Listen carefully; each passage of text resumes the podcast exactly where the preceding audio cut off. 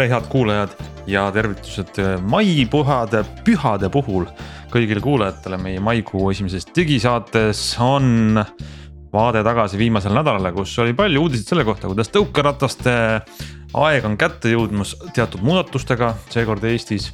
räägime ka sellest, kuidas tuleks hakata rohkem makse maksma ja nüüd väga konkreetsel teemal, kui tahate vaadata filme ja sarju, maksta Äh, vaatame, missuguse kella võiks sel sügisel, vabandust, sel kevadel ja sel suvel käe peale panna. ja kindlasti on meil üht-teist veel, sisukas saade, selline see maikuu on ja teiega oleme neljakesi. Hans Meelis, Glen, Henrik ja head kuulamist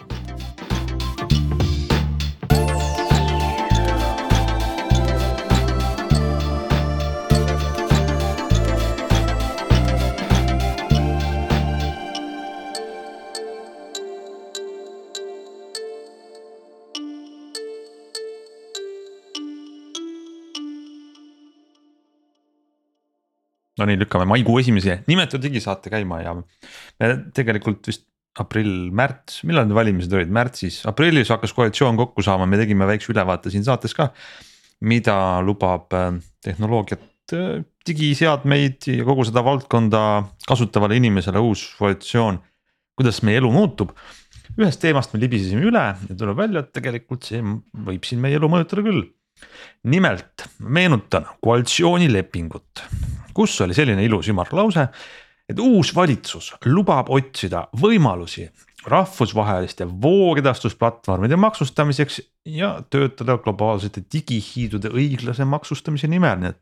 lubati töötada ja lubati otsida, aga nüüd eelmisel nädalal tuli vähe konkreetsem teade selle kohta välja, et äh, ministeerium, kultuuriministeerium on see, kes siis ütleb, et äh, tahab, kes tahabki Eestis kehtestada uue korra, koguda kokku seitsesada tuhat kuni poolteist miljonit eurot makse. siis sellistelt voogedastusplatvormidelt nagu Netflix, äh, mis sinna alla veel läheb, Disney pluss, Amazon Prime ja eriti võib-olla selline oluline detail on siin see, et äh, sõltub kogu nimekiri sellest, kellega õnnestub kontakti saada aga ütle, mida see siis tarbija jaoks nüüd ka tähendab, mina kui, mina kui väga ei tarbi ausalt öeldes, pean tunnistama praegu eriti neid, aga, aga paljud inimesed ikkagi tarbivad ja kas see, kas see tähendab mingit hinnamuutust? no ma ei tea, äri tavaliselt käib niimoodi, et firma võtab ühelt poolt raha sisse ja teiselt poolt maksab seda välja oma kulude katteks. üldiselt, kui kuskilt poolt ühe anumaa nagu tase tõuseb, siis see mõjutab teist ka.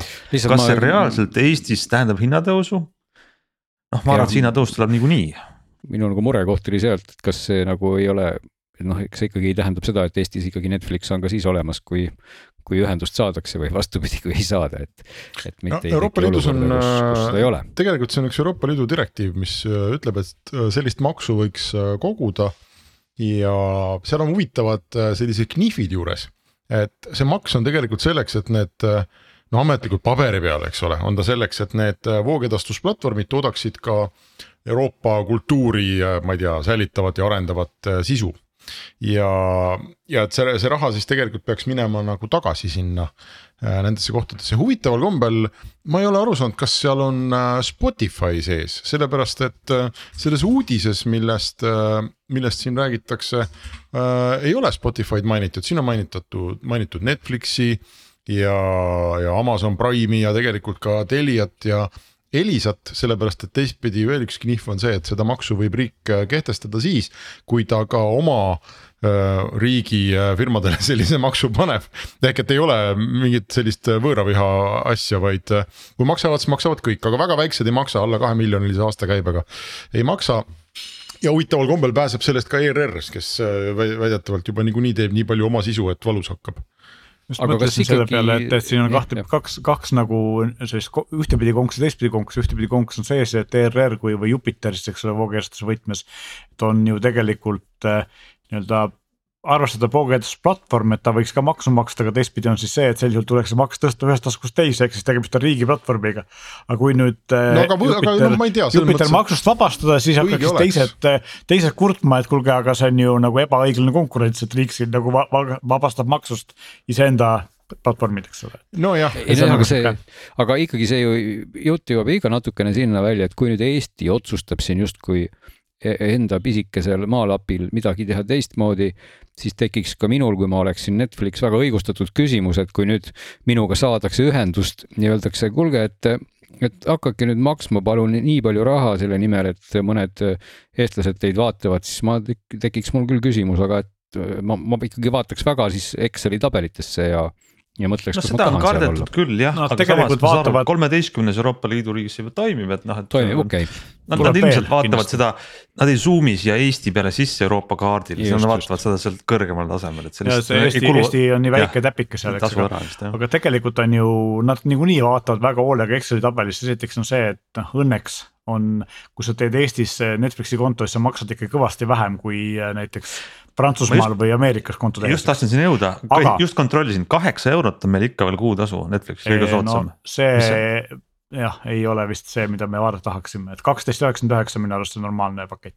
no seda aga, küll jah, ma vaatan kõige odavamat. aga Ameerikas on üle kahekümne dollari. aga ma ütlen ka täpselt, ega sisuliselt vahet ei ole ju, sa saad rohkem vist vaatajakohti, saad parema kvaliteedi. 4K-s jah, 4K-s ja rohkem vaatajakohti just. aga, ja teine asi, mis on, on tegelikult see, et kuidas nad Excelisse vaatavad, et vähe sellest nad võtavad vähem raha, aga nad ei anna ka selle raha eest väga palju vastu, sest et subtiitreid ikka ei ole, eks ole, ja see tekitab nagu väga palju poleemikat ja ma arvan, et lõpuks see jõuab ka kuskile Euroopa Euroopa tasemele välja, sest et.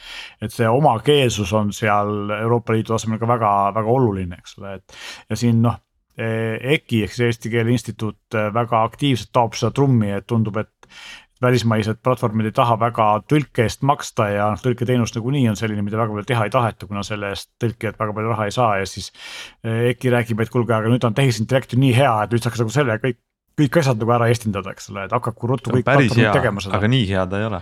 kui selle tõlke mõte on edasi anda selle info, mis seal toimub, siis on masinõpe piisavalt hea, aga kui mõte on kaitsta eesti kultuuri ja mingisugust keelt, no siis, siis peab olema see veel perfektne tõlge. ja vaata, seal on see, et, et, mõte küsimus... annab edasi, aga sellist kultuurilist sisu või seda nii-öelda kunsti, kunsti edasi anda on nagu keerulisem, eks ole. muide, te vaatate ja... mööda. mida me selle pooleteist miljoniga teeme? Te vaatate mööda just sellest elevandist toas, et see kogu see pull kogu see arutelu, kõik see, et nüüd maksustame ja seame sisse mingisuguse süsteemi ja ja hakkame seda koguma ja arutame siin, et meie arutame, et kas need ettevõtted lähevad ära või ei lähe ja siis veel omakorda hakatakse arutama, et kuidas seda raha siis äh, nüüd suunata tagasi siis ikkagi ka Eesti meedia või, või, või ma ei tea, Euroopa äh, kultuuri nagu tootmisesse. see toob Eestile aastas sisse hinnanguliselt seitsesada tuhat kuni üks koma viis miljonit eurot mis mulle tundub täiesti mm, ab absoluutselt tühine raha. Et, et ma tuletan meelde tühja kasseti tasu siin paar aastat tagasi, kui see nüüd kehtestati jälle mingisugune uus kord, siis oli see eeldus, et seda koguneb üks koma üheksa miljonit ja, ja kõik nutavad, et see on noh mõttetult väike summa, eks ja. ja kogu see administreerimine ja veel see ebaõiglus sinna juurde. et nüüd me teeme siis ühe, ühe maksu ja hakkame neid suuri maksustama ja kogume seitsesada tuhat kuni üks koma viis miljonit ma, ma ei tea, mulle tundub, et äh, äkki see on üks nendest riikidest või asjadest, kui Eesti kakssada otsib, et kust maha tõmmata asju, mõttetuid asju, millega riigiametnikud peavad või riik peab oma päevi sisustama äkki võiks siis, kui juba teha mingit tööd, hommikul lähed, hakkad tegema, äkki teeks siis kuidagi mõjusamat tööd või, see tundub. ei no see, see... selle Max Juket ikka valus on. no mi, ei, ei, mitte, mitte valus on, sa oled lihtsalt, sa oled kuri inimene, ma mõtlen seda, et, et kui me juba kogu selle jama ette võtame, siis võiks sellest ju mingi kasu ka olla, noh, keegi saab teha mingisugune poolteist tudengi dokfilmi selle raha eest ja siis käib kõva kisklemine no,. jaa, aga saab. ikkagi ma küsiks ka veel siia lõppu või, või vahele ka seda, et et kas see noh, põhimõtteliselt võiks ju maksustada absoluutselt igasuguseid liigutusi ja asju, et, et ükskõik, kas, kas see on, on see, on see vajalik või mis iganes, aga et. et mul, mul jääb tegelikult ka natuke üldse segaseks, et, et mis see, mis see justkui nagu see alus seda maksustada on, kas see ongi siis see, et me võtame selle raha ja siis selle eest hakkame kultuuri arendama või ja, see on lihtsalt ja, see, et võtaks raha no vot, paberil okay, küll no, niimoodi jah, jah.. ega automaksu mõte on ka see, et inimesed vähem sõidaks, aga noh, tegelikult sõbrad, me ju saame kõik aru, miks see maks tehakse. Mm. no just, et, et eks see, see pole, ähm, muidugi ja võib-olla üldse nagu teine teine aspekt kogu selle voogedastuste ja üldse mitte ainult voogedastuste, vaid üldse paljude selliste platvormide puhul võib-olla, kus sa tarbid mingit sisu ja maksad kuupõhist maksu. ma natukene juurdlesin ja just mõtlesin, et miks ei ole sellist, miks ei ole sellist keskkonda, et äkki peaks sellise keskkonna tegema kes tegelikult küsiks minu käest küll iga kuu mingisugust maksu, aga müüks mulle selle eest nii-öelda mingit virtuaalset äh, nagu raha a la mingit token eid, noh, et ma maksan näiteks Netflixile iga kuu kaheksa eurot ja saan selle eest näiteks mingisugune sada token'it ja kui ma vaatan Netflixist filmi või seriaali, siis maksab see mingisugune paar või kolmkümmend token'it mulle. ehk et see looks nagu olukorra, kus ma tegelikult nendel kuudel, kui ma ei vaata, aga maksan, ei tunne, et ma olen tühja maksnud ja teistpidi jälle nendel kuudel, kui ma palju tarbin, siis ma ka noh, maksan nii-öelda rohkem, ma olen lihtsalt nagu ta, kuidagi avastanud sellise mustri, et, et ma pigem võtan üheks kuuks Netflixi ja siis vaatan mingid hooajad ära ennast ogaraks ja siis lõpetan selle jälle ära. aga kahtlustan, et põhjus, su token'i äriplaani põhjus on see, et lihtsalt see ei, firma ei vea välja aga miks mitte, miks mitte, ma, ma tegelikult see, see mõte muide ei ole mul üldse originaalne, sest et äh, mul on üks muusika nagu sound'i äh, platvorm, kus ma maksan iga kuu kümme eurot ja ma saan just nimelt neid mingeid token eid, aga ma ei kasuta seda, aga ma ei ole seda ära lõpetanud lihtsalt sellepärast, et äh, kui ma selle täna ära lõpetaks, siis need kõik minu token'id lähevad prügikasti kas, aga kuna kas sa saad nende tokenite eest kuulata? ma saan nende eest, ei, ma saan nende eest osta omale sound'e, sample eid. sama. ja, ja, ja selle asja on... edastuskulu ei ole nii suur kui kogu Netflixi selle voogedastus no,. küsimus on ikkagi kahjuks. lõpuks ju, küsimus on ikkagi lõpuks selles nagu mudelis, et, et siis tehke neid nii-öelda token eid vähem, rohkem või, või noh, et, et lihtsalt täna ma tahan nagu seda öelda, et selles, selles muusika äpp või teenusepakkuja jaoks olen ma täna jube hea klient, sest ma juba maksan neile seda peaaegu et aastaid, aga ei ole eriti midagi kasutanud ja mul on kogunenud sinna nagu metsikus koguses seda nii-öelda virtuaalraha, aga ma ei saa seda teenust ka lõpetada, sest ma olen laisk ja ma ei kuluta seda ära. Nii et noh, nagu see on nagu see koht, kus, kus mulle tundub, et võiks olla sihuke. võib-olla see on hea mõte, aga. see ei ole jätkusuutlik aga... sellepärast, et või noh, võib-olla on, aga, aga ikka sõltub teenusest, samamoodi on ju see, et kui ma olen operaatoril, mul mingi pakett ja mul on seal mingisugune Euroopa Liidu Äh, andmeside, mida ma tegelikult kasutan korra aastas, siis see, ma ei saa ka seda, et ma oma üheteist kuu kasutamata selle lükkan oma sellesse ühte kuusse ja kasutan seal kümme korda rohkem, eks ole. ma väga tahaks, et see nii oleks. aga võib-olla see on, võib-olla saaks, aga kasutame sedasama mehaanikat, mõttemehaanikat järgmise teema juures ka, räägime tõukeratastest, meil on siin uudiseid. aga ma mõtlesin Hans tegelikult siin innovatsiooni, et meil on äh, Nii? igas, igal saatekülalisel on teatud hunnik tõukeneid ja kui ta tahab midagi rääkida, siis ta peab no, tõukeni panema lauale ja siis näiteks mõni saade saade, kus äh, ja. keegi on täiesti vait siis ta võib järgmises saates tulla ja, ja lihtsalt üldse, et, rääkida et, nii palju, kui tahab. saate lõpus lähevad nullid ära kontod kõik, saldod lähevad nulli. kindlasti ma tahaks ka rõhutada ikkagi, et noh, kindlasti on niisuguse uue aja uudissõnad, mis ilmselt lähevad massidesse, on prompt ja token. Prompt ja token kindlasti. et need, need kuulge, aga mis te arvate, kas tokeni probleem lahendaks ka tõukerataste rendivärgi selles mõttes, et siin on paar huvitavat uudist, esiteks Bolti kiirusemuudatus Tuul aga kehtestas uued hinnad Äh, kuupilet muutus kallimaks äh, kolmekümne üheksa euro pealt neljakümne viie euro peale ja samas saad sõita mitte kuuskümmend minutit päevas, vaid kuussada minutit kuus. kes nüüd kiiresti arvutab, saab aru, et tegelikult ähm, sa kaotad umbes kolm korda vähem, kolm korda sõiduminutit kuus. päevapilet jääb sama hinnaga, aga ennem sa sõita kuuskümmend minutit päevas, nüüd saad sõita nelisada minutit päevas. ma ei saanud üldse aru, sa pead ostma siis. oota ei, päevapilet läks neljateist pealt kahekümne nelja peale ah neljateist pealt, näed, oot, et siis see, see on mul kahe silma vahel on. ühesõnaga, sa pead Mina maksma kakskümmend neli eurot, et saada päevas sõita, mis asja, ma sain õigesti aru? jah, kogu päeva kehtivus on nelisada minutit kogu päevas siis. ja kui homme tuleb, siis ma pean uuesti maksma või? no just päevapilet on ju. ja ma tahan tõukerattaga sõita ja maksan kakskümmend neli eurot päevas. ära, seda su tokenid kaotavad kehtivuse. ma praegu ei, ma ei saa aru, kas ma saan õigesti aru, et ma maksan tõukeratta rendi eest kakskümmend neli eurot päevas või? Päevapilet, just uus hind jah, ennem oli neliteist eurot. aga kas mulle tundus, et selle raha eest saab ju autot rentida või, ei saa või? peaaegu ju.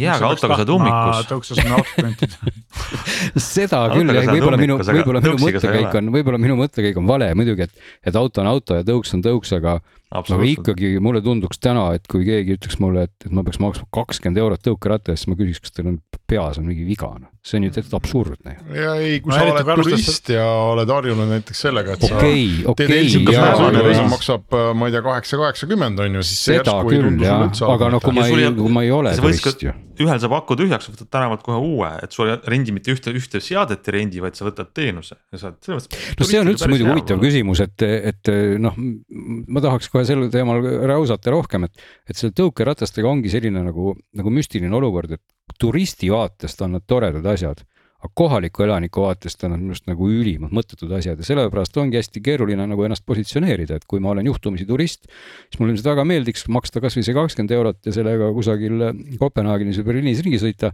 aga kui ma ei ole turist ja Tallinnas nende otsa koperdan, siis ma vannun kogu aeg ja tahan, et need ära koristatakse. ja et noh, turisti või turisti mõttes küll, kohaliku elaniku mõttes on tegelikult tõuksus ainult üks mõte, see on kiirem liikumine väga lühikeste vahemaade vahel, eks ole. et kui ma pean ootama kakskümmend minutit liinibussi, mis näitab Just. kellegi seda, et meie ühistransport ei tööta väga hästi, sest bussid käivad liiga harva, eks ole, neid on liiga vähe. Meelis tabab praegu naela haamriga. aga kui ma tahan tõesti sõita, ma ei tea, Rocca al Mare keskusest kuskile Kristiinesse, eks ole, näiteks või natuke veel lühemat maad, siis bussiga ma saaks tõuksiga seda kindlasti kiiremini teha kui tõuksiga, eks ole, või tõuksi kui kiiremini. no aga kui, kui sa, kui sa pead sellest maksma kakskümmend neli eurot päevas, siis see nüüd ei ole ei no kui sa võtad päev otsa. sa võid maksta minuti hinda ka ju minuti hind jääb alla sihuke. okei, no selle koha aga, aga muidugi. päevapilet on lihtsalt see, et kui sa tahad päevas piiramatus koguses põhimõtteliselt. aga no., aga palju maksab minut, ma küsin. kaheksateist senti. kaheksateist senti, nii et äh, kui sa paned seal näiteks, ma ei tea, sõidad kümme minutit järjest, üks kaheksakümmend on ju. noh, nii ja naa, aga see oli ka vähe äh, mida näiteks äh, Tehnika tänaval sa ei saa sõita ei bussi ega autoga Tallinnas, kuna seal on alati väga umbes kõik. varem sai seal sõita siis tõukerattaga kakskümmend viis kilomeetrit tunnis, Bolt nüüd laiendas seda ala, kus on aeglustatud liikumine miinus viis kilomeetrit, et kakskümmend kilomeetrit tunnis ja varem, kui ma nüüd ei eksi, oli see vanalinn oli see aeglase sõiduala. nüüd on siis kogu südalinn, no näiteks, mis, mis piirdubki selle Tehnika tänav, Liivalaia tänav, mis sealt ülevalt poolt on Põhja puiestee, Telliskivi. nii et kogu see laiendatud südalinna ala on see aeglase sõiduala. Äh, see on väga huvitav kat-, no ise ütlevad ka, et see on katse jaanipäevani mis sellega juhtub, kas tegelikult see tõukeratas nagu kaotab oma eelise sellises seal südalinnas liikumisel või mitte? no mina ei arvesta. kahekümne kilomeetriga ta veel ei kaota, kui ta läheks viieteistkümne või isegi kümne peale, siis ta muutuks mõttetuks, eks. no vot, see oleneb ikka alast, et siin tasub rõhutada seda, et see on see südalinn, et see on tõepoolest selline ala, kus kus väga suurel kiirusel massid ei liikle tegelikult, sest autod ju seisavad ja inimesed võib-olla jalutavad, et selles mõttes isegi kui sa võib-olla liiguks viisteist kilomeetrit tunnis seal oled sa ka ikkagi veel keskmisest äh, jalakäijast ju kiirem, aga, aga teistpidi jah, kui sa peaksid sõitma Piritalt äh, nii-öelda kesklinna, siis ilmselgelt äh, noh, viieteist kilomeetrise tunnikiirusega on natukene ebaratsionaalne sõita. tegelikult on ju, et, et, et ma, ma ei ütleks, et see nagu halb mõte on see me rääkisime siin teisest konkureerivast äh, pakkujast just, et kui tuul lendab ikkagi kakskümmend viis kilomeetrit tunnis on ta kiirus, siis sul on selge, selge eelis, viis kilomeetrit tunnis rohkem saad sa teenust äh, selle raha eest, nii et. no aga see on ikkagi see koht, kus. see muutub kõigil, sest et linn nõuab seda no aga, aga täna vist ei ole see ju linna nõue, et see või on see nüüd, noh, see ei saa nii olla. Bolti vastutulek linna nõuetele just, just, aga noh, aga siis täna on olukord, kus, kus siis tuul sõidabki nüüd kiiremini või, või ikkagi kõik on samal, samas piirkonnas. ma arvan, et. ja, need ühtegi teadet, et tuul puhuks aeglasemini tegelikult ilmselt juhtub siin see, et lihtsalt linn paneb nad fakti, et kui te tahate siin seda teenust pakkuda, siis te teete siis nii, nagu meie ütleme. nii tegema, et, et ei no iseenesest on see nagu õige ja tegelikult need algatused üleüldse, mis kuidagipidi seda seda reguleeriks natukenegi, et kuhu neid tõukse jäetakse ja, ja, ja, ja noh, raske on muidugi öelda, et kuidas sellega sõidetakse, aga, aga, aga see on nagu täiesti müstiline, kuidas inimestel on nagu kaks, kaks sihukest äärmuslikku mõtteviisi, et kui inimesel on enda vara, siis ta käitub sellega enamasti normaalselt, aga kui tal on renditud asi, siis ta muutub nagu täielikuks idioodiks, et, et ma olen näinud nagu mitut inimest, kes no, no kes lihtsalt no, sõites pargivad oma ratta keset teed ja lähevad jalutavad lihtsalt minema kusjuures see on huvitav äh, kogemus selles mõttes, et mina käitun nagu täpselt vastupidi äh, tõuksiga ka, aga näiteks noh, kui me võtaksime mingid Bolti või Citybi rendiautod, mis me teame, et inimesed sõidavad rohkem täis peaaegu oma autodega ja mm -hmm. teevad muid lollusi, eks ole, siis minul oleks nagu vastupidi, et kui mul oma auto või oma tõuks on. juhtub, noh, ise, ise tean, eks ole, aga kui on rendi oma, siis seal on trahvid ja, ja igast muud asjad, et see on nagu palju riskantsem värk, et ma just nagu hoiaks seda nagu kuidagi, kardaks selle pärast rohkem aga ma arvangi, et no, keskmine meil inimene. meil on ikka geenides see, see mõisaköislas lohiseb, et mõnes mõttes on nagu suva ma lõpetan just, oma teenuse, login välja, suva, mis sodiks läheb. kas ühel hetkel tuleb sulle arve, arve meili peale kaks tuhat eurot? aga, aga noh, ütleme see. kui tuleks, vaat see võib-olla distsiplineeriks, aga ei ole neid lugusid kuulda väga aga no ütleme, et see äh, koht, et muideks, loomulikult äh, selline, et kuidas sa ise hoolitsed selle asja eest, see on nagu teine asi, aga, aga see, kuhu sa selle jätad, minu arvates on pigem ju, et see näitab ikka erilist imbetsilsust, sest kui sa jätad oma ratta keset teed ja järgmisel ei, päeval muidugi. ise sõidad öösel, siis sa kurat sõidad ju sellele otsa, noh, et kas sa nagu ühte ei suuda natukenegi ette ja. mõelda. Nende inimeste õigustuseks pole midagi öelda, väga halb käitumine, küll aga kas ei ole tehnoloogilist lahendust ikkagi juba ammu, kui äh, Starshipi robot suudab sõita ühest tee äärest, kõnnitee äärest teise, kas see tõuks ei võiks ennast nihutada? Seda, seda, seda ma tahaks ka öelda, et noh, see on üks asi, aga teine asi on ka see, et ega see tehnoloogilist lahendust, mida nad praegu teevad, ka väga hästi ei tööta, et. ma pole nüüd ammu tõuksiga sõitnud, aga siin, kui ma viimati, viimast korda sõitsin Boltiga, siis oli küll see, et äh, eelmine või isegi üle-eelmine aasta, et tol hetkel oli neil juba see niinimetatud tehisintellektiga Äh, määrav, kes ütles, et, et kuulge, et sa oled valesse kohta parkinud, eks ole, ja siis ma üritasin parkida täpselt õigesse kohta, kedagi ei segaks ja oleks ikkagi nagu niimoodi viisakalt ja korralikult ja siis äh, noh, ma ei tea, viiel korral kolmest enam-vähem hakkas mu äpp, äpp karjuma, et kuulge, et me tuvastasime, et sa oled valesti parkinud, eks ole, peale selle pildi tegemist no,. et see käib küll närvidele. Ja neil ei ole ju klienditeenindus ka, kes mulle vastaks, et mis toimub, eks ole aga mingil ebaselge põhjusel ikkagi keset teed saab neid jätta ja, ja noh, jäetakse ka suuremaid rattaid ju. see ongi see, et see tehisintellekt saadab sulle teavituse, et kuule, sa parkisid valesti, aga edasi midagi ei tehta, eks ole, selles mõttes, et. et sult mingit raha selle eest maha ei võeta või midagi, et see võib-olla distsiplineeriks jah, aga samas on ka keeruline see, et kuna vaidlustamine on seal peaaegu võimatu, siis noh, jällegi. sa oled midagi õigesti teinud ja siis trahvi saad, siis on jama majas väga põnev no,, ootame tootearendust ja vähem tõppeliskult käitumist. mina olen selle poolt, et mida rohkem tõukerattaid pitsitatakse, seda rõõmsamaks ma muutun, seega andke kuule, minna Tallinna linna. Te, te olete tunnistajaks nüüd Glen Pilve hämmalusele muutumisele, mees, kes seisis kaherattalist elektrisõiduki eest nagu. saad aru, ma väga ütlen, et sõitke, ostke omale tõukeratas või ostke omale üherattaline ah,, käituge okay. sellega, sõitke sellega Õige. normaalselt aga, aga, aga kui teil juhtumisi ei ole peas mõistust, siis ei ole vaja ka sõita rendi asjadega, et. väga õige üleskutse, nõus. Nagu, vaadake. suvi tuleb, inimesed tahavad liikuda värskes õhus ja vaadata vähem ekraani, aga natuke tahaks ikka ekraani vaadata ja siis nad äh, panevad rihmaga selle ekraani omale randme peale nimetavad selle nutikellaks, on nii. Glen, sa oled nüüd teinud suurema raundi Äh, kogunud kokku hulga uusi mudeleid, ma saan aru ja. no ja öelda jah. mis, mis seal on uut mm -hmm., aga äkki sa no, tutvustad, mis seal üldse valikus sul olid? no tegin jah, jälle järjekordse suure testi siis äh, digiajakirja ja portaali, kus on äh, üks, kaks, kolm, neli, kaheksa kella või ühesõnaga ja seal oli siis Apple. Fitbit Sense kaks, Garmin Venu kaks pluss, Google Pixel Watch, Huawei kolm GT Pro, Polar Ignite kolm Samsung, Galaxy Watch viis Pro ja siis hästi tundmatu ja pika nimega kell Mobvoi TicWatch Pro kolm Ultra GPS see viimane oli nagu mingi haiku, Mobvoi või? Mobvoi jah vot sellised kellad, et kellasid iseenesest muidugi on ju nii palju, et, et ja noh, need on ikkagi tuntud nimed, keda meil siin tegelikult müüakse, aga, aga ilmselt väga paljud äh, sellised äh, nagu, kuidas ma ütlen, nutikamad võib-olla tehnikahuvilised tellivad omale otse kusagilt kaugelt Aasiast veel mis tahes kellasid, olgu nad siis high, high, high watch'id või mida iganes, et tegelikult see valik on ju üli, ülilai, aga, aga sellised kellad ma siis võrrelda võtsin ja muidugi Meelise käes oli küll ka üks, üks uus Karmin, et kui minul oli seal võrdluses Venu kaks pluss, siis eh, Meelis tutvus lähemalt veel, mis see oli siis, Forerunner kaks kuus viis oli see kell, eks ole. jah, kaks kuus viis S. mis on siis kõige uuem et, Karmini selline. siin võib-olla ongi noh, tinglik selline vahe, et kui Glen nimetas oma artikli siis, et valime nutikella, eks ole, siis mina proovisin tegelikult mõnes mõttes spordikella või. või et ennast nutikellad nagu enamasti kõik lähevad järjest sportlikumaks ja spordikellad mm. lähevad järjest nutikamaks ja siis see vahe nagu jookseb lõpuks sinna keskele kokku, eks ole, kuigi. siin Gleni testis on ka Polar, mis on nagu selline ikkagi sirgelt spordikell ja ei ole ühtepidi väga nutikas, eks. siis, siis tegelikult ähm, noh, see vahe on, on olemas, aga, aga mina jah, tahtsin proovida just sellist kella, mis oleks äh, kuna ma olen ennem Karmini Forerunner seeriat aastaid kasutanud, siis ma tahtsin proovida seda uut, mis oleks siis spordikell, aga mis oleks ühtlasi nutikas ja.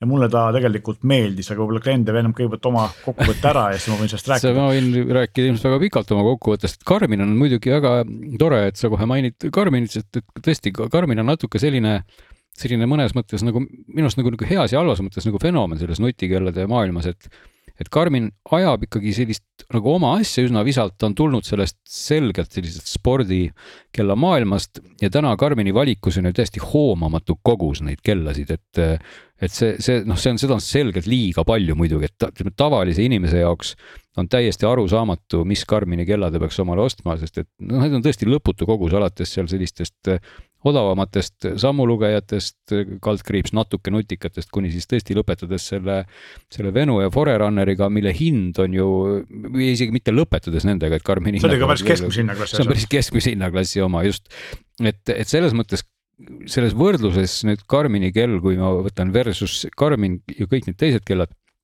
siis on selgelt näha, et, et selline inimene, kes täna võib-olla ostab omale siis Apple Watchi või, või, või mõne Androidiga kella ja noh, tema jaoks ilmselgelt Karmini kell käib üle jõu, sest et Karmini kell noh, on nii noh, ta, tema kasutusmugavus on lihtsalt noh, mitte et see oleks halb, aga, aga see, see ei ole kaugeltki nii mõistetav, sujuv ja loogiline, kui ta näiteks on Apple Watchil või Wear OS-iga kellal et, et see oli nagu esimene sihuke tähelepanek, et ma, ma kasutasin seda Karmit umbes nädalapäevad ja noh, ma ikkagi vandusin keskmiselt rohkem, tuleb tunnistada, sest et eh, Karmini kellal on kolm nuppu.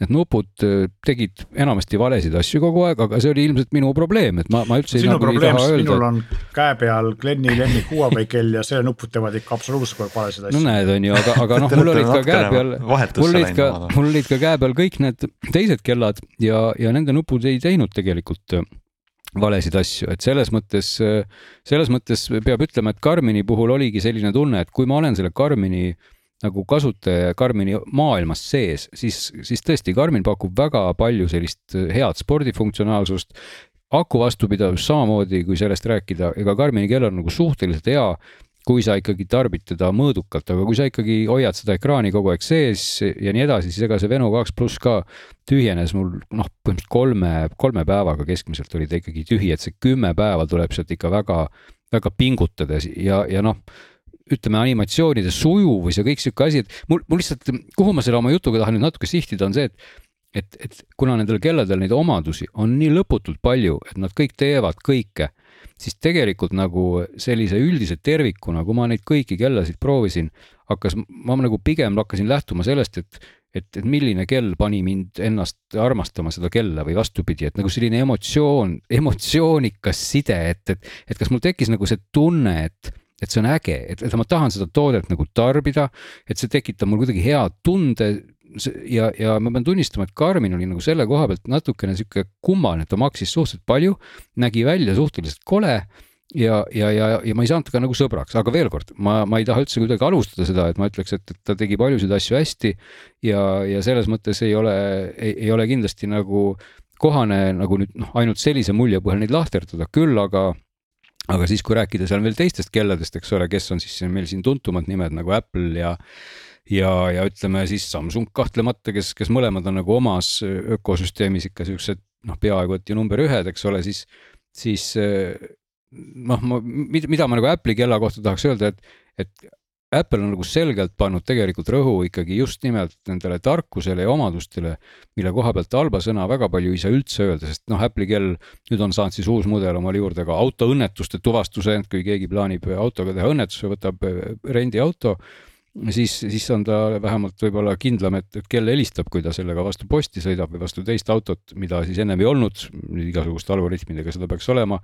nüüd siis kell ka kehatemperatuuri põhjal teeb igasuguseid järeldusi naiste tsüklite kohta, eks ole, ja, ja kellal nagu seda tarkust on palju, Apple'i kell helistab loomulikult ka hädaabinumbritele, kuhu ta tegelikult helistas ka varem, eks ole, mida ka ikkagi üsna paljud kellad veel ei tee. aga Apple'i kella aku endiselt saab tühjaks, noh, peaaegu et loetud tundidega ja, ja, ja kui sa tahad, et see kell sul ka öösel und veel track'iks, siis noh, kell on küll nii palju tark, et ta ütleb sulle, et, et kui on alla kolmekümne protsendi aku, et siis et palun nüüd kiirusta laadima, sest et muidu jääb sul uni track imata ja mida ka Apple'i kell ei teinud muidugi väga hästi, oli see, et noh, siin, siin võib-olla Huawei kell on natuke ära rikkunud, et Huawei kell tegi seda muidu kõige paremini.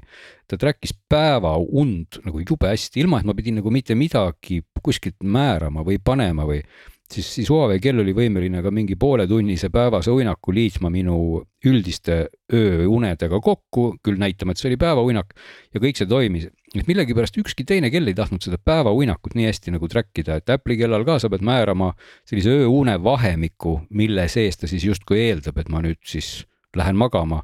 Karlil on sama häda jah, et, et nagu mul jäi nagu noh, vot, et ma olen nagu tulnud selles natuke sellisest maailmast, kus ma ei pea mingit vahemikke määrama, minu arust kell võiks ju väga hästi aru saada, kas ma parajasti magan või, või kõnnin ringi, eks ole, et miks ma peaks mingisuguseid imelikke vahemikke määrama. küll aga selle noh, selle unega analüüsiga on ka muidugi selline lugu, et, et noh, kõik tootjad proovivad järjest rohkem seda analüüsida, aga teisalt, kui usaldusväärne see on, noh, seal jääb ikka ju küsimus, et ega kell saab sinu und põhimõtteliselt ikkagi mõõta liikumise ja siis oma nende optiliste või mis iganes sensoritega need parajasti sul käe küljes on. Et ega see ei ole, noh, see ei ole ikkagi võrreldav ilmselt sellega, kui sa paned omale mingid professionaalsed rihmad ümber kõhu ja, ja pea ja teostad nagu sellist uneuuringut, nii et, et ma tahaks ka seda öelda, et kindlasti nendest, neid andmeid on nagu jube palju, mida sa kellast saad aga, aga kui usaldusväärsed nad nagu lõpuni on, et nad on nagu natuke selline noh, et ma pigem ütleks, et tore on see, kui kell näitab mulle neid minuteid, palju ma magan ja võib-olla seal noh, mingit protsenti näitab ja noh, mis iganes, võib-olla siis näitab, kas ma parajasti norskan või ei norska, mida teeb muide Samsung, eks ole. aga et kas ma nüüd sellest peaks mingeid väga lõplikke järeldusi tegema, et noh, mis puudutab veel üldse sellist kellade nagu omadusi terviseandmete mõõtmisel, siis võib-olla paar sellist äh, naljakamat, kummalisemat, võib-olla ka toredat omadust, mis on siis erinevatel kelladel erinev, et et näiteks Samsungi kell mõõdab siis keha koostist ja, ja noh, nii nagu siis ka mõned kaalud, mis seda teevad, ehk et ta siis laseb mingeid teatavaid elektriimpulsse läbi sinu keha. ehk et sa pead siis ühe, ühe käega võtma kellast kinni ja kell on sul samal ajal teise käe peal ja siis kell üritab aru saada, millest sinu keha koosneb ja siis muuhulgas näitab sulle ka sellise toreda parameetri nagu skeletilihaste toonus. ja, ja sellest ma sain aru, et mul ei ole selle skeletilihaste toonusega nagu kõige paremad lood ja noh, ma muutusingi natuke murelikuks, aga, aga kell igal juhul nii arvas, ta andis mulle mõned nõuandeid. Teine selline tore omadus on siis Huawei kellal, kes ei mõõda mitte skeletilihaste toonust, aga kes mõõdab arterite jäikust ja, ja siis arterite jäikust mõõdab ta samamoodi, nii et ma pean seal näppe hoidma selle nii-öelda nupu peal, mis on ühtlasi elektroon.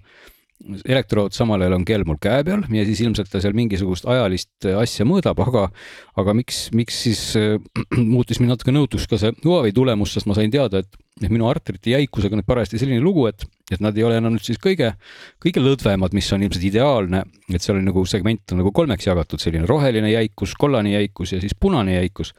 ja noh, mul siis jäikus parajasti oma terviseandmeid avaldades oli seal kusagil rohelise ja kollase vahel täpselt mille peale siis kell juba ütles, et, et mul on ikka arteritega niisugune lugu, et, et ega siin enam pikka pidu ei ole, aga mul on veel lootust, kui ma nüüd jätan kohe, nii-öelda kohe maha suitsetamise joomise ja kohvi joomise, siis on veel asi hästi aga sa kavatsed siis... jätkata neid, on ju? aga, aga ma muutusin väga nõutuks, sest et ma sain, ma sain, ma sain aru, et ma olen elanud oma elu valesti. ma oleks pidanud juba algusest peale jooma, suitsetama ja tarbima kohvi, sest ma ei saa neid maha jätta. nii et siit nagu moraal, et kui te tahate oma nutikellaga oma tervist mõõta, siis mõistlik on ikkagi noorest, ei, mõistlik on noorest peast alustada rohke joomise ja suitsetamisega, sest et kui kell ütleb teile, et teil on arterid liiga jäigad, siis te saate päevapealt teha oma elustiilis muutuse ja teie arterid muutuvad pehmeks, eks ole.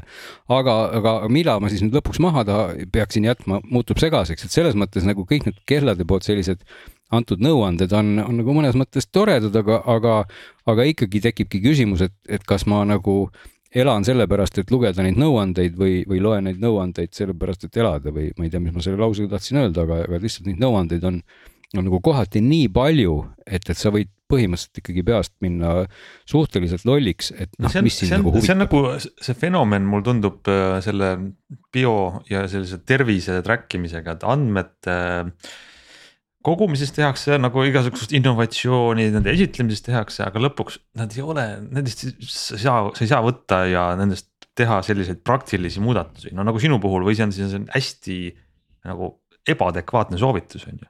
Et see tegelikult ju no, kell ei jah. tea, et sa oleks jood ja suitsetad palju, aga ta eeldab seda mingisuguse sisendi pealt. ja lõpuks see tegelikult see nagu halb on see, et ta tõmbab kogu selle pakkumise väärtust alla, et ma ei tea üldse, miks ma usaldada saan sealt, kas see pulss, mida ta mulle iga päev ütleb, kas ta on ikka täpne või ta vahepeal siis paneb villast ja, ja kõik no, need eks, autoõnnetuse ja kukkumise tuvastamine ja EKG ja. kui palju seal on seda, et et ta vahepeal viskab seda ette, et tuletada meelde, kui vägev kell ta on, aga kas sellel on ka mingi faktuaalne sise no, põhi all, see õõnestab seda. absoluutselt. Ja siin on ka see koht, et lõpuks ikkagi omadused, mis määravad seda, kas see kell siis on tore, hea või sinu jaoks sobiv noh, kui ma sinna emotsiooni juurde tulen tagasi, kindlasti see on üks asi, võib-olla kella välimus, kella disain, eks ole, kõik need asjad. aga teine külg on just, just võib-olla need omadused, et mida sa siis, inimene, kes seda kasutab, kasutab rohkem, et võib-olla mõne jaoks on see mingi maksevõimalus, võib-olla teise jaoks on see hoopis kellaga rääkimine. võib-olla kolmas tahab tõesti oma jookse ja kõndimise või, või mis iganes musta miljonit spordiala track ida, seal on ju neid, neid on lõputult. ehk et et see ongi tegelikult see raske valikukoht siin, et, et, et sa pead nagu enda jaoks sellistest, sellisest suurest kuhjast omadustest siis suutma välja noppida need, need, mis siis, mis siis sind võib-olla kõnetaksid, eks, et kui me räägime muidugi Apple Watchist, siis paraku Androidi maailmas see ju ei tööta, see on ainult iPhone'i omanike pärusmaa millist mudelit sa täpselt testisid, et kaheksa, kas see oli see, mitte see mm, nii-öelda triatleedi või siis see jaa, ultra? mitte ultra jah, ehk siis nagu see, nagu see keskmine mudel tegelikult siis ütleme tänases äh, Apple Watchi sarjas, mis maksab seal pealt neljasaja euro, eks ole, noh, kõige uuem keskmine. ja teine siis samasugune võib-olla omas opsüsteemis kinni jäänud mudel on siis natukene karm, mitte Karmin, vaid, vaid Samsung, kes küll töötab küll ka teiste Androididega, aga kelle puhul ikkagi sellised äh, funktsioonid nagu oli see siis vererõhu mõõtmine ja EKG ja võib-olla seal midagi veel, mis siis töötavad ikkagi ainult Galaxy telefonidega, et, et ta nagu noh, mõnes mõttes üritab ka suruda ikkagi ennast sinna nagu kitsamasse alasse, et samal ajal äh, Google, kui ma ei eksi, eks ole, Pixel ka vist ei tööta iOS-iga just, küll aga, aga siis kell, mis mulle ikkagi väga meeldis, muide, ma pean tunnistama, et kogu sellest suurest eh, valikust eh, jäi, jäi mulle väga, väga heas mõttes meelde just see pika nimega kell. ehk seesama, seesama kell, mille eesnimi oli Mobvoi, et minu jaoks esialgu oli see täitsa tundmatu Hiina tootja, aga seal sees oli Wear OS, eks ole, täpselt siis sama nagu, nagu Google'i kellas ja ta maksis oluliselt vähem kui kõik teised kellad, see on natuke üle kahesaja euro. ja ta nägi hea välja, selline vana Casio kella feeling uga, niisugune spordikell väga,, väga-väga okei okay.. ja seal oli väga huvitav niisugune lahendus, mis, mis elektri säästmiseks siis kasutas mulle selle püsikuva ja näitamiseks vedelkristallekraani ehk tegelikult seal kellal oli kaks ekraani. Et tal on, on Oled ekraan, mis noh, kui sa paned alguses kella nii-öelda käima, siis ongi see Oled ekraan ja kõik on nagu äge, aga, aga siis, kui ta lülitab selle Oled ekraani välja, siis ilmub sinna selline vana kooli vedelkristallekraan. Et kuidas see kõik on sinna tehtud tehniliselt, on üsna nutikas, sest et, et kuidagipidi need ekraanid teineteist ei sega, aga, aga kui see Oled ekraan ei põle, siis kogu aeg sa võid siis vaadata nagu noh, vanasti oli Karmini kelladel nagu vedelkristallekraani ja noh, vedelkristalliekraan on küll fikseeritud selles mõttes sümbolitega, et ta ei ole siis täisgraafiline, et seal on kellaaeg ja, ja veel mingid asjad. aga noh, mõte ongi siis selles, et see ekraan ikkagi, kui ta on sul kogu aeg näha, siis oleks nagu akut läheks selle võrra vähem, aga noh, tuleb tunnistada, et Wear OS on ikkagi, ikkagi nii palju elektrinäljane opsüsteem, et, et olgugi, et sellel Mobvoil oli seal ka pealt viiesaja 500 milliampertunnine aku, siis ikkagi noh, paari päevaga sai see aku ikkagi tühjaks, no võib-olla heal juhul sealt sai üle kahe päeva ka, kui seda säästlikult kasutasid.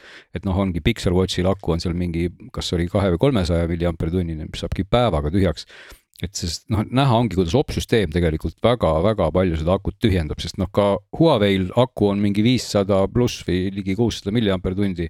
ja Huawei peab vastu tõesti, kui sa noh, always on'i või kogu ekraanikuva ei kasuta, ligi kaks nädalat, noh tavamõistes üle, üle seitsme-kaheksa päeva. kui kogu aeg on ekraanikuva siis aktiivne, nii et, et tegelikult see akumahud kelladel ei ole nii kordades erinevad, aga vastupidavusaegade erinevus tuleb, tuleb just sellest sellest opsüsteemi poolest, aga, aga jah, veel kord see, see Mobvoi üllatas väga, väga positiivselt just sellega. ütle veel korra selle Mobvoi mudel lihtsalt, et meelde jääks. see Mobvoi on siis TicWatch Pro kolm Ultra GPS et et. see on siis ka siukene ümmargune ja nagu spordikella. ta on nagu selline, ma ütlen nagu vana, nagu kes teab siukest kasi ja siukest feeling ut, selline must, vastab nende mis iganes militaarstandarditele, nagu nad on.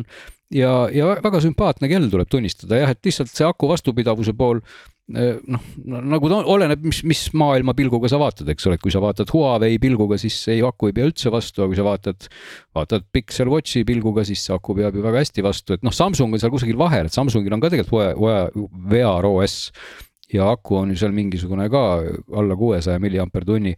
Samsung vedas ka välja võib-olla noh, kolm päeva äkki, aga ega sealt midagi rohkem kindlasti Ma ei tule, kui. küsiks siia juurde hoopis Teslaadi küsimuse, kui sa rääkisid siin sellest äh, Wear OS-ist ja, ja nendest äh, kolmest kellast, siis kas sa märkasid äh, mingisugust realistlikku vahet performance'is või selles, kuidas need kellad töötasid, ma mõtlen siis Samsung, Google ja Mobile just e..., kõigil kolmel on üsna erinev sisu, et protsessor on kardinaalselt erinev neil ja ka mäluvahe on päris arvestatav, aga platvorm on sama, eks ole, et kas. ausalt öeldes ma, ütleme niimoodi, et, et selle Moboi puhul tuleb küll öelda, et et ta on nagu, tal võtab nagu aega see puutimine, kui ta nagu käima läheb, siis ta nagu mõne, mõnes mõttes võib-olla esimesel minutil on uimasem.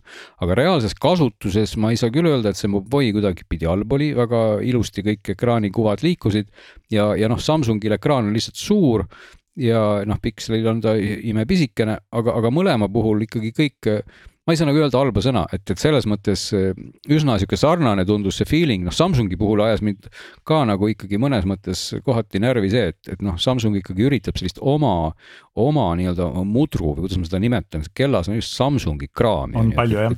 et kui sul on nagu Wear OS, no mis sa topid seda Samsungi kraami. no samas noh, vaata tegelikult oli ju see, et nad noh, esiteks Samsung lihtsalt üritab ära kasutada oma jõudu siin mm -hmm. turul, eks ole, sest nad on konkurentsis kõige suurem kellamüüja, kes ei ole Apple. teine asi on muidugi see, et nad panid, kuna Google'i Veros ei töötanud neil väga hästi, nad ei saanud sellega väga, väga hästi hakkama, siis nad ikkagi kasutasid päris palju Samsungi know-how'd, nad panid need platvormid kokku, eks ole mm. -hmm. aga, ja, ja noh, ka samas Google on ka nagu mõnes mõttes veidi ikkagi süüdi, sest et näiteks äh, Google Assistant, mis peaks olema nagu Google üks prioriteet, tuli ju VROS-ile üsna hilja.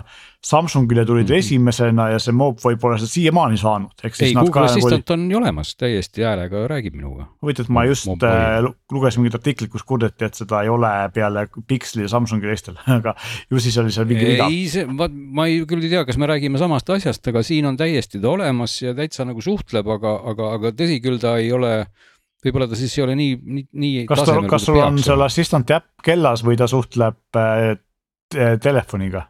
ta, ta suhtleb, ei, vot ma, ma toon Bluetoothiga ühendusega, kui ma selle, nii kui ma selle assistant'i vaate avan, mis on siis viibe paremale, siis ta kohe hakkab kuulama ja tahab minuga okay. rääkida. võib-olla on seal selles äh, artiklis, mida ma lugesin, mingi viga ka. muide, või võib-olla ka opsüsteemi uuendused seda, seda, seda muudavad, muide, ma ütlen kohe selle Moboi kohta ühe võib-olla mitte nii toreda asja mis ka ikkagi mind ajas üsna üksjagu vanduma, kui ma seda kella kogu aeg kiitsin, oli see, et nimelt, kui ma siis selle, selle Moboi äh, äh, käima panin nii-öelda, siis äh, kõik ühikud olid, olid imperiaalsed ehk et nagu jalad ja mis iganes nad siis on, tollid. ja oi, kus ma vandusin, sest ma ei leidnud kohta, kus seda muuta ja lõpuks siis selgus, et nimelt trikk on selles, et kui te nüüd juhtumisi kuulete seda juttu ja lähete ostate omale Moboi, mis muidu on okei okay kell, siis kohe alguses seal ei ole eesti keelt, seal on keelevalikus esimesena on meil English US ja kui sa valitad pikalt mõtlemata English US, siis on jutt väga lühike, siis pärast on sul kõik on imperiaalne. nii et sa pead tegema kohe alguses targa valiku, scroll ima kuskile kaugele ja otsima sealt üles English UK. ja kui sa otsid English UK, siis on sul meetrid ja kilomeetrid ja sekundid ja mis iganes nii et, et mina tegin selle, selle lükke ja valisin kohe pohti English US ja oi kui halb see kõik oli, sest et seda noh, kuskilt setting ust sa muuta, et sa tunned ennast täiesti idioodina, on ju, sa käid kõik kohad läbi ja ei, no ei ole ja isegi leiad mõned, mõned kohad, kus seda sai muuta, sest sellel mobiil on ka oma äpp ja selles oma äpis on ka setting utes kohtühikud, aga need ühikud määrasid ainult mingi sihverplaadil oleva ilmateate temperatuuri, mitte midagi muud ei juhtunud, nii et.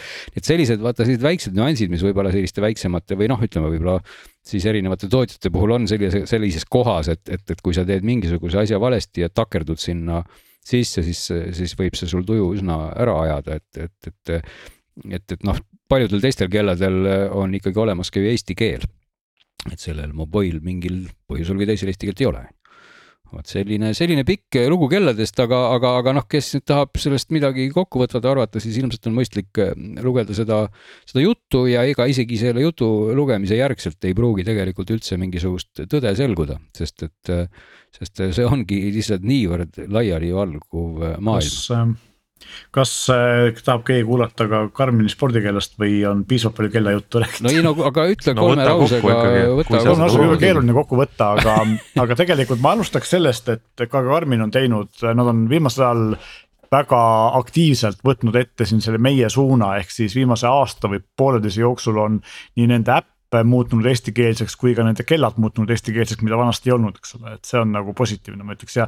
saadavad ka väga aktiivselt välja eestikeelset spämmi, nii et, et selles mõttes mõtlen siis meile, kui sa oled seal nende mail listis, et nad on selle meie, meie turu nagu väga intensiivselt ette võtnud. ma katkestan sind korraks, Meelis, mul tuli, tuli meelde üks mõnes mõttes kummaline asi Karmini kohta, mis me isegi sinuga arutasime eelnevalt ja, ja pärast igasuguseid katseid. nimelt Karminil on ju ka selline suurepärane koht äpis, kus sa saad määrata hädaabile numbrile helistamise võimaluse, et kui sa kukud pikali, siis kell helistab ja ütleb, et sa kukkusid pikali. ja Karminil nimelt, nagu selgub, ei saa sinna panna osasid Eesti numbreid. ehk et, et mõnesid numbreid sa saad panna ja mõnesid numbreid sa ei saa panna, nii et, et kui näiteks minul on, on selline vana hea number, mis on veel lühike, eks ole, algab seal viis null ja ainult kolm numbrit peale seda need numbrid sobisid Karminile ideaalselt. Küll aga kui ma panin sinna mõne pikema numbri, mis algas viis kahega, siis see number sinna ei sobitunud ja Karmin ütles, et palun kontrolli oma numbrit. minul on ka vanast ajast number, mis on lühike, see number Karminile ei sobinud. ei sobinud? ei, nii et selles no, mõttes ja mõned teised numbrid, mida ma proovisin, jälle sobisid, nii et see on nagu täiesti äh, random, kuidas see neil Just, töötab, ma ei saanud ka aru. see oli küll täiesti kummaline, et, et, et, et, et kui teil on. proovisime Karmini... Glenniga isegi seda, et kas on noh, et millega see, mis seal peale viite tuleb, kas viis, kaks, viis, kolm või viis, kuus, eks ole, kas see mõjutab, ei mõjuta, et täiesti nagu muu, muul alusel on see asi, mis nii, nii et ühesõnaga jah, kui te juhtumisi ostate Karmini kella ja tahate oma hädaabi numbrina panna sinna kedagi siis sisse, siis tasub seda võib-olla isegi proovida, noh, ma ei tea, kas seda äpist saab ilma kellata seda ka proovida, vist ei saa tegelikult ikkagi, et kas sul peab see seade olema, on nüüd hea küsimus, sest et. vist ei pea muidu... isegi no igal juhul on see, igal juhul on see asi võib-olla, mis noh, kui juba, kui sul on juba kell, mis ikkagi seda funktsionaalsust pakub, siis ilmselt võiks see ka päriselt töötada, sest et kui seda pärast panna ei saa, siis ei ole see nii tore, aga nii, midagi siis. aga Meelis oli pooleli, et eesti keeles spämm tuleb küll. ja ühesõnaga see, et, et nad on Eesti suru eh, võtnud ette, teine asi, mis on muutunud, on see, et Karmin vanasti eh, oli selline, et kuigi äpp oli, äpp oli tark ja seal hästi palju asju, aga kellaseadeid enamasti äpist muuta ei saanud, sa ainult üksikuid asju, enamasti kui sa tahtsid kellas midagi näppida, sa pidid seda tegema kella enda pealt. kella enda, just, just. jah, mhm. ja nüüd on see, et viimastel mudelitel saab kõiki kellaseadeid muuta ka telefonist, kaasa arvatud download ida sihverplaate, neid muuta, nende mm -hmm. neid, mis, mida teeb, eks ole, muuta kõiki asju. näiteks kui sa läksid jooksma, tahtsid vaadata, et sul esimene ekraan näiteks sul, ma ei tea, pulss ja teine ekraan näiteks sul keskmist aega, kolmas aeg, kolmas mingisugust muud näitajat, eks ole. Neid kõiki sa pidid muutma kella pealt, siis nüüd sa saad muuta seda kõike siis ka äpist palju mugavam, aga tegelikult kui me jõuame point'ini, siis point on selles, et tegemist on Karmini esimeste keskmise hinnaklassi eh, spordikelladega, millel on AMOLED ekraan et siiamaani ütlevasti Karmin on alati teinud spordikellasid MIPS ekraaniga või siis nii-öelda selle LCD-ga, millel on väga vähe värve, hästi kehv reso. aga mille eelis on samamoodi nagu nendel kindla e-lugeritel, millest me eelmine kord rääkisime, et äh, ta, mida rohkem sinna päikest peale paistab, seda paremini see ekraan välja paistab. ja noh muidugi. LCD-l on ju, Oledil on ju vastupidi, et ta ei taha päikse käes väga hästi välja nähtav olla. ja teine asi, kuna tegemist on spordikellaga siis äh, erinevalt sellest Glenni kellast, mis on nutikell või noh, sportlik nutikell nii-öelda, kus kar-, millega Karmen üritab siis. no kus on siis ka Venul muidugi olnud, Venul on just. Oled olnud tegelikult juba, juba teist põlvkonda. just, aga mitte spordikelladel, eks ole no,. et, et teine asi ongi see, et sellel eh, lisaks Oledile on siis selle kellaga puuteekraan mis on Karmil nagu üsna uus asi. aga alles on kõik viis nuppu, mis on Karmili poolt nagu tuntud, et on kõik nupud ja kui sa lähed suusatama kinnastega või sa jooksed ja oled kuuma ilmaga hästi higiste näppudega, siis. siis sa saad nagu vabalt kasutada kõiki asju ka nuppudega, eks ole, sa ei pea see ongi seesama koht, kus, kus ilmselt, kui sa vaatad nüüd sellise pilguga, et sa oled tõsine spordimees, kes müttab mudas siis ilmselt selgelt on nupud toredad, aga kui sa oled selline, selline nutiinimene, eks ole, kes on harjunud äh, sulnite puudutustega siis pehmelt öeldes ajavad nupud kohe närvi, et, et see ongi niisugune kahe otsaga asi. minule esiteks nupud meeldivad, mitte et mul oleks midagi nende puutekraanidega vastu, aga näiteks Samsungi kellal, millel on kaks nuppu. mul käib kogu aeg närvidele see, et sealt üks nupp on puudu, et kui ma saan sealt minna menüüsse ja ma saan liikuda tagasi, siis ma ei saa nupuga kinnitada valikut, ma pean selleks toksima ekraani.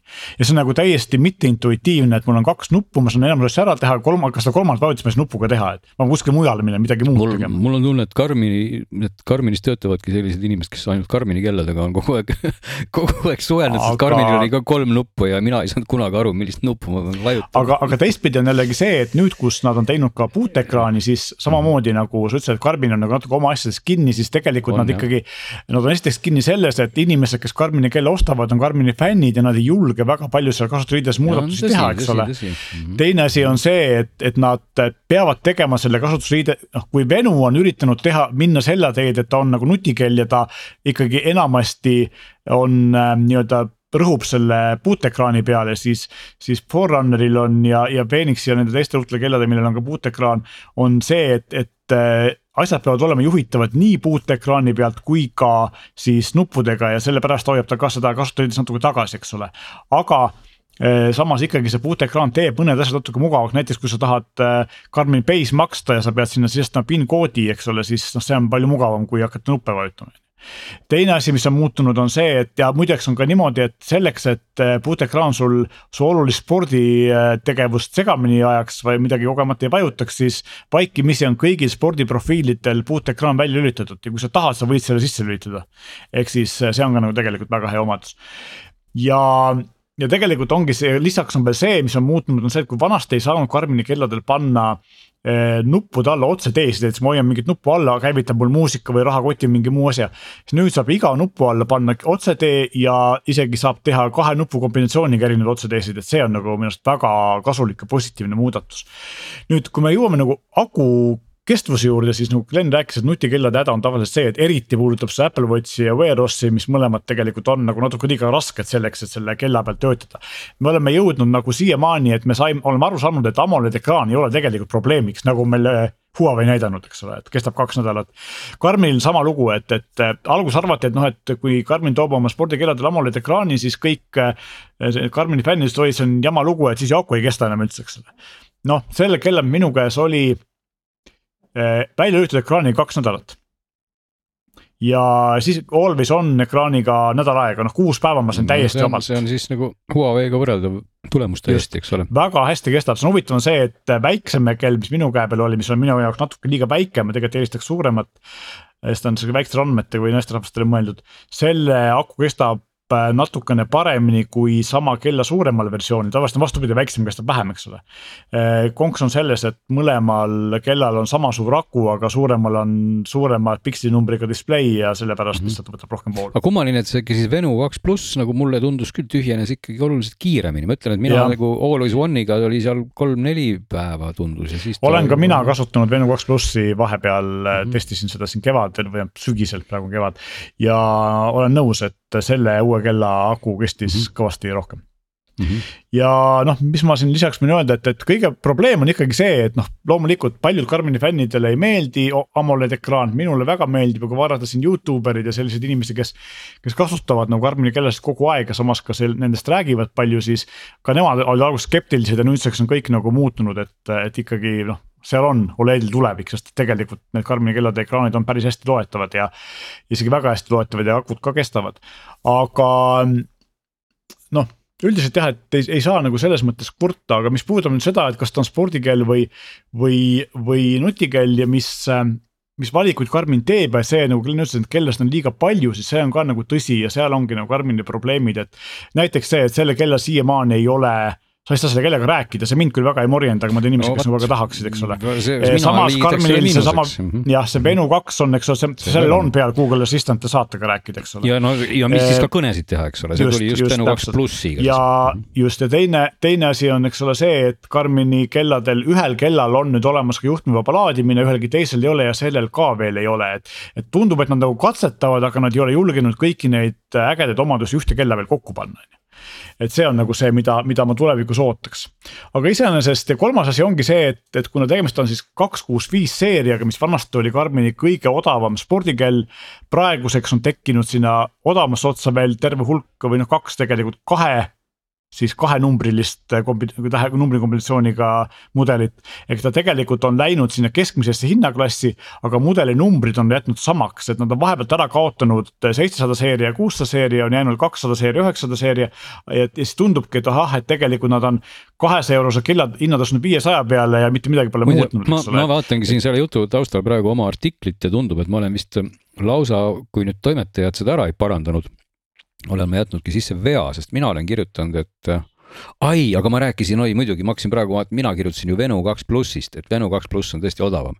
et Venu kaks pluss maksab nelisada viiskümmend ja ma hakkasingi vaatama, et, et aga tegelikult ju see kaks kuus viis Forerunner maksabki viissada jah, ja tegelikult nagu päris ja, kallis ja. ikkagi, aga, aga samas mulle see kell meeldis, aga ma jätkuvalt -hmm. ei ole kindel, kas ta on nagu seda hinda väärt, aga samas midagi nagu sarnast, mis oleks piisavalt hea ekraaniga. piisavalt sportlik, piisavalt tark ja piisavalt kaugesti no, pakkuja, väga palju ei ole. tahaks veel siia ikkagi lõppu ka ikkagi jälle mitte nii positiivselt öelda just Karmini kohta selle hinna mõttes, just kui ma võrdlesin nüüd teiste kelladega ka, Venu oli seal nelisada viiskümmend, küll mingi soodukas ilmselt odavam.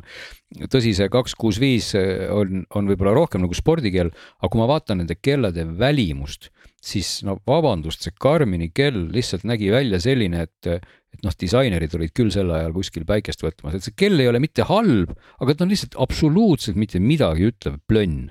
Et, et kui kell maksab nelisada pluss eurot, siis ta ei tohi olla mitte midagi ütlev plönn, et ta peaks olema nagu noh, kui, kui sa vaatad kasvõi seda Huawei kella, eks ole, titaanist korpus, safiir, klaasid, värgid, ta näeb välja nagu äge, Apple Watch, ta on ikkagi disain. isegi seesama Mobvoi, mis maksab kaks korda vähem, näeb selline noortepäraselt äh, sportlik välja, aga, aga Karmini kell nägi välja lihtsalt nagu lihtsalt mingisugune suvaline junn, et noh. ma arvan, et eh, noh, näiteks eh, ma ei, mina ütleks, et noh, ma ei stressi, mina ütleks, et Venu näeb parem välja kui see Samsung, mis sinu käes oli. ja mulle meeldib odavam Samsung rohkem, aga see on maitse asi, eks ole. no ja ei no aga Samsungi puhul ikkagi ma näen sellist nagu niisugust nagu seda kohta, et disainerid on nagu mõelnud, nad on üritanud siin nagu teha sellist, vaata siia mingi serva ja nii edasi. aga, aga noh, võib-olla on ka värvis küsimus, et, et see testikell, mis sinul oli, Venu, oli siis sellise halli äh, silikoonrihmaga ja mingi läikiva korpusega. see kokku kõik need asjad nagu ükski tükk ei sobinud nagu omavahel kokku, et, et võib-olla kui ta oleks sealt mingit tumehalli värvi olnud või, või must rihm Selle..., see oleks võib-olla muutnud seda pilti. Forerunneri oma, mis minul testis oli, selle kohta võiks öelda seda, et noh, kõige negatiivsem asi, mida saab öelda, on see, et tegemist on plastikust kellaga ja no, nad on täiesti no, nagu konkreetselt meelega plastikust kell, kuna plastik on hästi kerge, et kui sa teed sporti, siis ta esiteks, kui ta kuskile vastu läheb, ei juhtu temaga väga midagi. ja teiseks on see, et ta on hästi kerge, ta ei häiri sind ja ta võib olla kakskümmend neli seitse käe peal minul mõni Karmini kell, mis on nagu suurem ja raskem, näiteks väga häiris, ma ei saanud seda öösel une jälgimisest kanda, sest ta oli liiga raske, eks ole. see on nagu hästi kerge, aga samas jah, ta ei ole mõeldud nagu disainkellaks, ta on plastikust ja sellepärast mitte väga ilus. aga Karmin või, ütleb ka sulle seda, et kui sa tahad ilusat kella, siis osta endale Mark seeria, maksa sellest kaks tuhat eurot, eks ole nojah, aga noh, ütleme täna isegi noh ikkagi pead vaatama, mida ka konkurendid teevad, eks ole, et, et, et, et noh, kui sa ikkagi sellise kasvõi keskmise hinnaklassi kella teed ja konkurendid pakuvad sulle seal nagu siis kasvõi selle välimuse põhjal võib-olla paremaid materjale, mida iganes. noh, kasvõi vaata, vaata kasvõi Pixel Watchi, eks ole, mis ei ole ju ka nüüd mingi selline nagu klassikalises mõttes üliäge kell, aga ma vähemalt nagu näen, et disainerid on justkui nagu vaeva näinud. Pixel Watch on minu, Pixel Watch on ikka minu arust üks ilusamaid kellasid, mis viimasel ajal tulnud on. ei no ta on hästi nagu minimalistlik, ta on jah, jah, aga noh, aga ta, ta ka noh, ütleme, et, et võib-olla see skaala teises otsas nagu heas mõttes on just seesama Huawei GT3 Pro, eks ole, mis näeb nagu välja selline no selline nagu klassikaline nagu käekell, eks ole, just selline nagu, nagu soliidne, selline suur, et, et sa võid selle panna ka käe peale ja tõesti, kui sa paned mõne selline peenemat sorti riietuse ja ka ei tunne ennast sugugi halvasti, eks ole, et, et tõsi, ta on küll selle arvelt ka võib-olla natukene jälle kobakam, et see titaanist rihm ja muutub ta raskemaks, eks ole, et kui sa tahad sellist väga kerget kella. nii et ega, ega jah, siin veel kord tulles siis tagasi jutu alguse ja keskmise osa juurde, et, et neid parameetreid, mis on siis inimeste jaoks nüüd olulised, ongi nagu mustmiljon, et, et ja, ja, ja lõpuks tulebki tõmmata need eh, nii-öelda linnukesed nendesse laadritesse ja vaadata siis, et on see siis välimus, on see aku vastupidavus, on see siis opsüsteem, on see ekraan, on see mingi kasutusmugavus. et mil, mingil põhjusel päris sellist kella seal ei leidunud, kus kõik lahtrid on siis nagu roheliste linnukestega täidetud ja ilmselt ei saagi leiduda, et, et, et siin Pole tuleb kompromisse teha jätame siis, jätamegi siis inimestele võimalus ise ka valida ja orienteeruda vähemalt selle järgi. Aga võib-olla tõmbamegi tänase selle süva sisse rännaku järel tänase saate otsad kokku. jätame inimestele võimaluse oma lemmikkell välja valida. ja võtame järgmised teemad ette juba jälle nädala aja pärast maikuu teises saates, nii et aitäh kõigile